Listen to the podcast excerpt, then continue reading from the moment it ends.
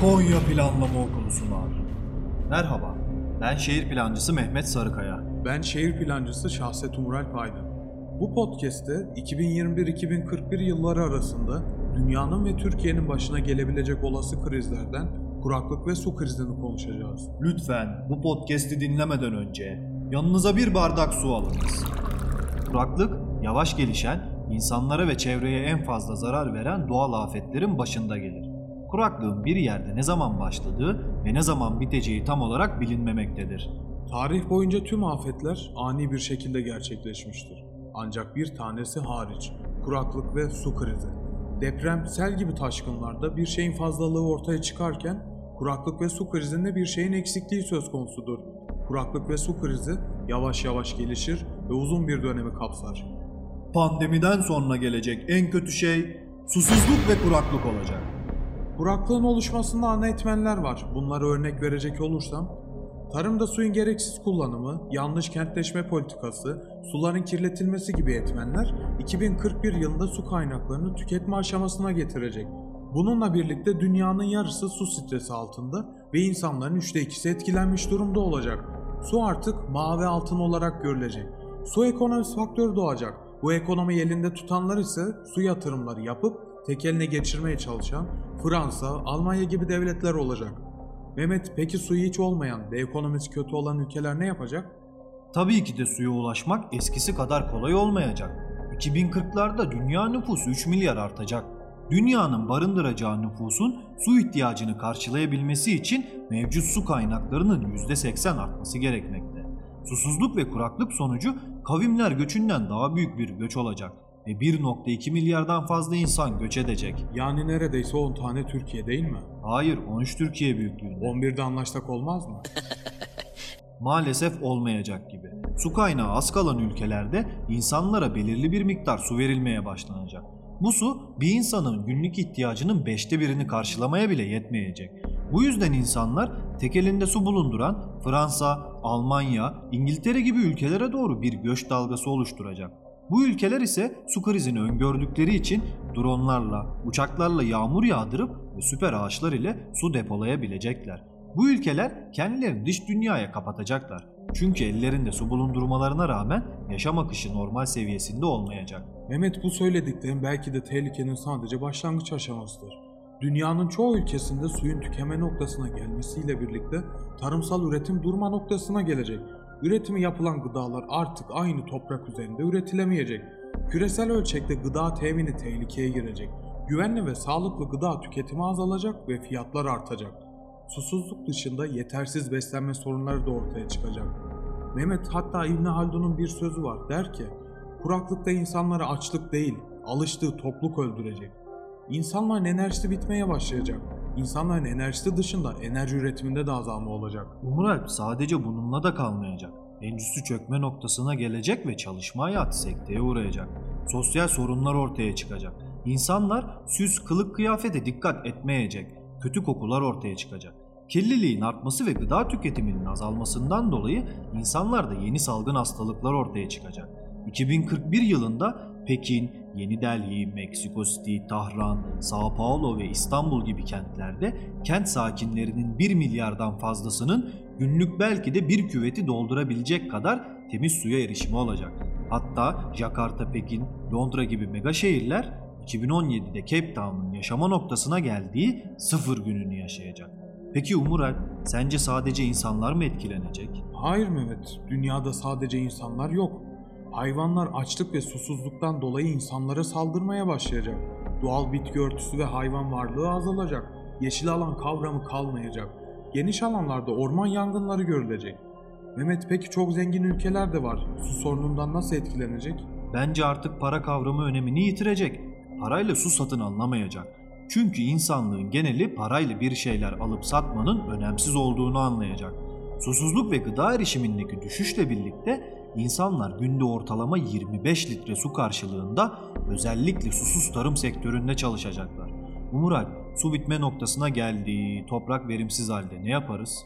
Zamana Karşı filmini izlemişsindir Mehmet. Benim bu filmden esinlenerek hayal ettiğim gelecek şehirlerinde insanların parmak izlerine göre günlük çalışmalarına karşılık litre miktarı su tanımlanacak. Su bankaları kurulacak. Bu bankalarda insanlara su hesapları açılacak. Bankalarda insanlar limitli ve faizli bir şekilde su kredisi alabilecekler. İnsanlar bankalarda parmak izlerini okutarak su karşılığında gıda kapsülleri satın alacaklar. Mehmet, para kavramının yerini su aldı. Paranın hırsızlığı yapılıyordu. Suyun olmayacak mı? Bence su gaspları ortaya çıkacak. İnsanlar birbirlerinin ellerinden su çalacak. Kara borsa su satıcılığı başlayacak. Özellikle komşu ülkeler arasında su paylaşımından dolayı büyük sorunlar ortaya çıkacak. Uluslararası su savaşları meydana gelecek. Türkiye'de de durum farklı olmayacak gibi. Bizleri ne bekliyor Mural? Kötü günler bitti Mehmet. Daha kötü günler bizleri bekliyor. Türkiye'de halkın %65'i su kıtlığı yaşayacak. Fırat, Dicle, Merih gibi ırmaklar komşu ülkelerle oluşacak su probleminden dolayı yeteri kadar kullanılamayacak. Ülkenin doğu ve güneyinde yaşayan insanlar kuzeybatı bölgesine göç etmeye başlayacak. Konya ve çevresinde yeraltı suyunun tükenme noktasına gelmesiyle birlikte toprakta çökmeler, kaymalar gibi sorunlar büyüyecek. Deprem bölgesi olmayan Konya Havzası insan eliyle oluşturulan bir deprem bölgesi haline gelecek ve bölgedeki insanlar da göçe katılacak.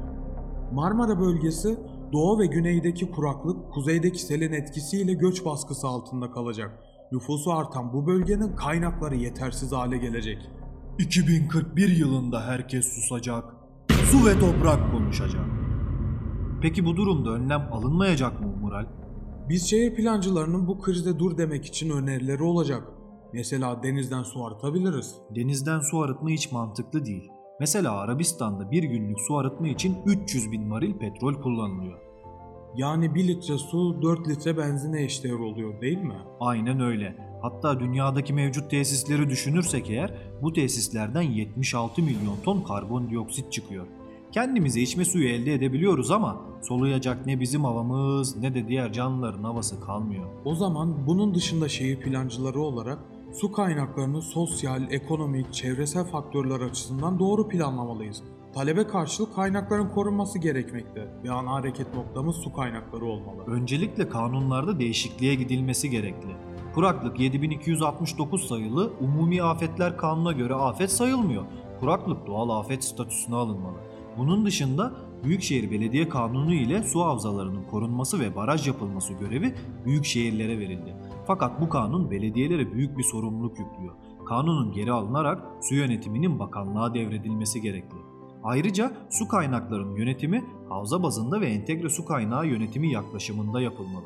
Su kaynaklarının planlanmasında kentsel ve kırsal alan ölçeğinin dikkate alınması gerekli.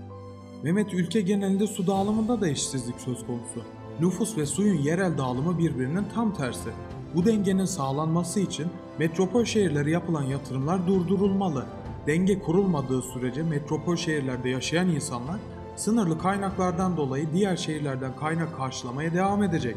Metropolde yaşayanların diğer insanların kaynaklarını talep etme hakkı yok. Mural, arazi kullanım kararında da nerelerin orman, mera ve tarım arazisi olacağına stratejik kararlar verilmeli. Su kaynakları çevresinde yapılaşmaya izin verilmeyerek buralarda su toplama alanları oluşturulmalı. Ayrıca havza kuraklık yönetim planları hayata geçirilmeli. Su hasadı ve taşkın hasadı tekniği plan kararı olarak plan yönetmeliğine eklenmeli. Suyun ne miktarda hangi sektörde kullanıldığına da bakmamız gerekli. Türkiye'deki tüketilen suyun %70'den fazlası tarım alanında kullanıldığı için plancılar olarak ilk müdahale yapılması gereken yer tarım alanlarıdır. Hatta bununla ilgili araştırmalarım var örnek verecek olursam. Modern sulama sistemlerinin kullanımı yaygınlaştırılmalı. Daha sonra toprağın nemini koruyan malçlama ve su kaybını önleyen hügel kültür yöntemleri kullanılmalı. Bölgenin iklim koşullarına uygun ürün deseni oluşturulmalı ve kapalı su kanal sistemine geçilmeli. Mehmet, senin de ilgiyle okuduğunu bildiğim Mavi Sözleşme kitabında göz ardı edilmeyecek bir bilgi vardı. Kentlerde oluşturulan büyük barajlar aslında çok su biriktirdiği anlamına gelmiyor. Evet Umuray, doğru bir noktaya değindin. Buralarda su daha çok buharlaşıyor, daha çok sızıntı oluyor ve ekosistem daha çok bozuluyor. Bunun için mega projeli barajlar yerine yeraltı barajları oluşturulmalı. Doğru söylüyorsun. Bunun dışında kentlerde belirli bölgelerde bulut oluşturma istasyonları inşa edilmeli. Buna entegre olarak bulutlara elektrik akım veren dronlar için pistler oluşturulmalı. Ayrıca gece oluşan çiğin suya dönüşümünü sağlayan ve yeraltı barajına entegre çalışan su seraları oluşturulmalı. Umuray, mesela Türkiye'de çok sayıda su fabrikası var. Bunlar kaynakları tüketiyor. Bu fabrikalar aslında kaynaklarını senin bahsettiğin yapay oluşumlarla sağlamalı. Hatta ülkemizde çok su tüketen büyük işletmeler de var. Su arıtma sistemli ve susuz firmalara izin verilmeli. İşletmelere suyu az kullanma sistemleri teşvik edilmeli. Mehmet sen söyleyince aklıma geldi. 2017'de Tayvan'a gittiğimde bir tekstil işletmesini gezdim. Susuz boyama teknolojisi kullanıyorlardı. Ve yılda yaklaşık 8 milyon metreküp su tasarrufu sağlıyordu. Çok büyük bir rakammış. Bu sistemi Türkiye'de de uygulamalıyız. Ayrıca Umurak, Türkiye kentlerinde şehir atık sularını arındırıp peyzaj alanlarında kullanmalıyız. Şehirlerde yağmur ve kent bahçeleri oluşturmalıyız. Kentlere yeşil, iklime göre dönebilen, turnike sistemli ve yağmur suyu hasadı yapabilen binalar inşa etmeliyiz. Ayrıca çatı bahçeli, güneş panelli, enerji üretimi için rüzgar silindirli ve gri su kullanılan binalar inşa etmeliyiz. Şehirleri yatay planlamalıyız. Bu sayede nem oranını arttırmış oluyoruz. Rüzgar yönü doğal haline dönüyor ve yağmur oluşumu artıyor. Altyapıda da değişikliğe gidilip şebekelerde oluşan kayıpları önlemek için mini robotlarla sızıntıları takip etmeliyiz. Peki Umurak sonuç olarak şöyle diyebilir miyiz? Yönetmelik ve plan kararlarında değişmeye gidilecek, kentlerde yağmur yağdırma sistemleri kurulacak, su depolama sistemleri oluşturulacak, susuz sanayi sistemleri kurulacak, tarımda yöreye özgü ürünler teşvik edilecek, yapılar iklime göre şekillenecek, su ve enerji üretip depolayabilecek, tüm alanlarda suyun dengeli kullanımı ve yaygınlaştırılması gibi politikalar izlenecek. Kıyıya vurmadıkları sürece balıklar suyun farkında değildirler.